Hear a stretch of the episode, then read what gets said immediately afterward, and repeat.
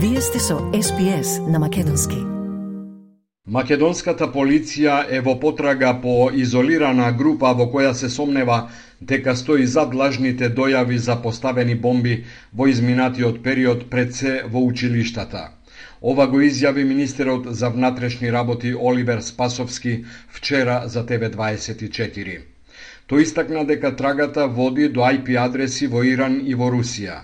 Спасовски рече и дека досега над 720 објекти биле погодени со лажни дојави за бомби.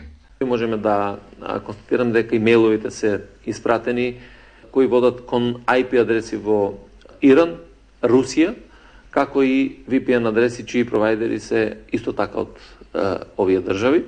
Училиштата почнаа да функционираат според новото упатство за настава при дојава за бомба, без да се нарушува образовниот процес во училиштата. МВР соопшти дека досега се откриени тројца домашни сторители, а обвинителството за гонење организиран криминал вели дека по два од тие предмети веќе се постапува. Во коалициониот партнер во владата ДУИ има недоразбирања. Начело на Обштинската партиска организација во Скопски Чаир е назначен Бујар Османи на местото на Изет Меджити, кој е подпредседател на ДУИ и лидер на така наречената огнена група членови на истата партија. Меджити вели дека одлуката е нелегитимна, и рационална и донесена од Инаед, Тој вели дека лидерот на партијата Али Ахмети му измислил позиција на Османи од страв дека членството на ДУИ се повеќе застанува на страната на огнените. Меджити даде телефонска изјава за неколку медиуми. Ја користиме изјавата од ТВ Сител. Координатор за политички процеси во Чаер, значи таква позиција не постои. Тоа е смешно. Меджити рече дека граѓаните стојат зад него, а не зад раководството во Мала Речица. Од Дуи вчера немаше никаква реакција. Кавгата во Дуи кулминира по гласањето за реконструкција на владата, зашто пратениците на огнената група не дадоа поддршка. Потоа почна отпуштање од работа на припадниците на огнените од државните институции. 80 годишниот православен свештеник и активен борец за правата на македонците во Грција Никодим Царкњас На 23 февруари бил нападнат од група млади луѓе додека бил во автомобилот во областа Саботско, Северна Грција. Тој вчера даде слична изјава за неколку медиуми во која вели дека нападот, кој не е прв, е со цел да го заплашат само поради тоа што се декларира како македонец, што проповеда на македонски и се бори за човековите права на македонците во Грција. Откако учтиво побарал од момчињата да ги преместат возилата со кои му го блокирале патот, тие почнале вербално да го напаѓаат со лични и верски навреди. Јас би у колата и затвори и десната страна и од левата врата тие сите, да не може да влезат. Они се тупаници и суклоци повике, задното стакло толку скрашија, да и јас и се уплаши нам отиде у полиција. Саркњас не верува дека грчките органи ќе преземат мерки против насилниците, зашто е во прашање нешто друго. Тој вели и дека македонската влада многу малку прави за заштита на македонците во Грција.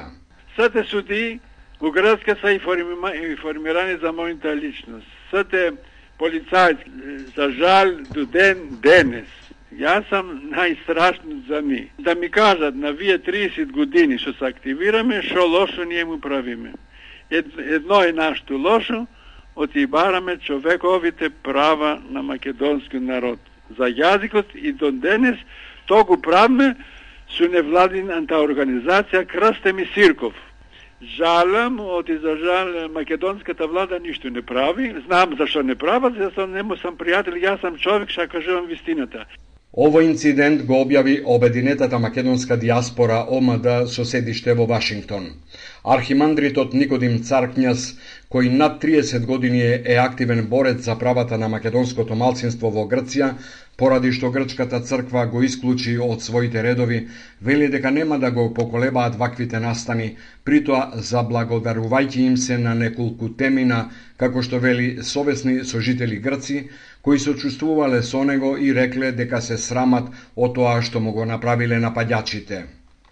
17 невладини организации вчера во Охрид на трибина го дигнаа гласот за заштита на Охридското езеро, поради тоа што, како што велат, властите во двете земји, Македонија и Албанија, не ги почитуваат препораките и заканите на УНЕСКО дека езерото ќе биде симнато од списокот на светски заштитените природни богатства.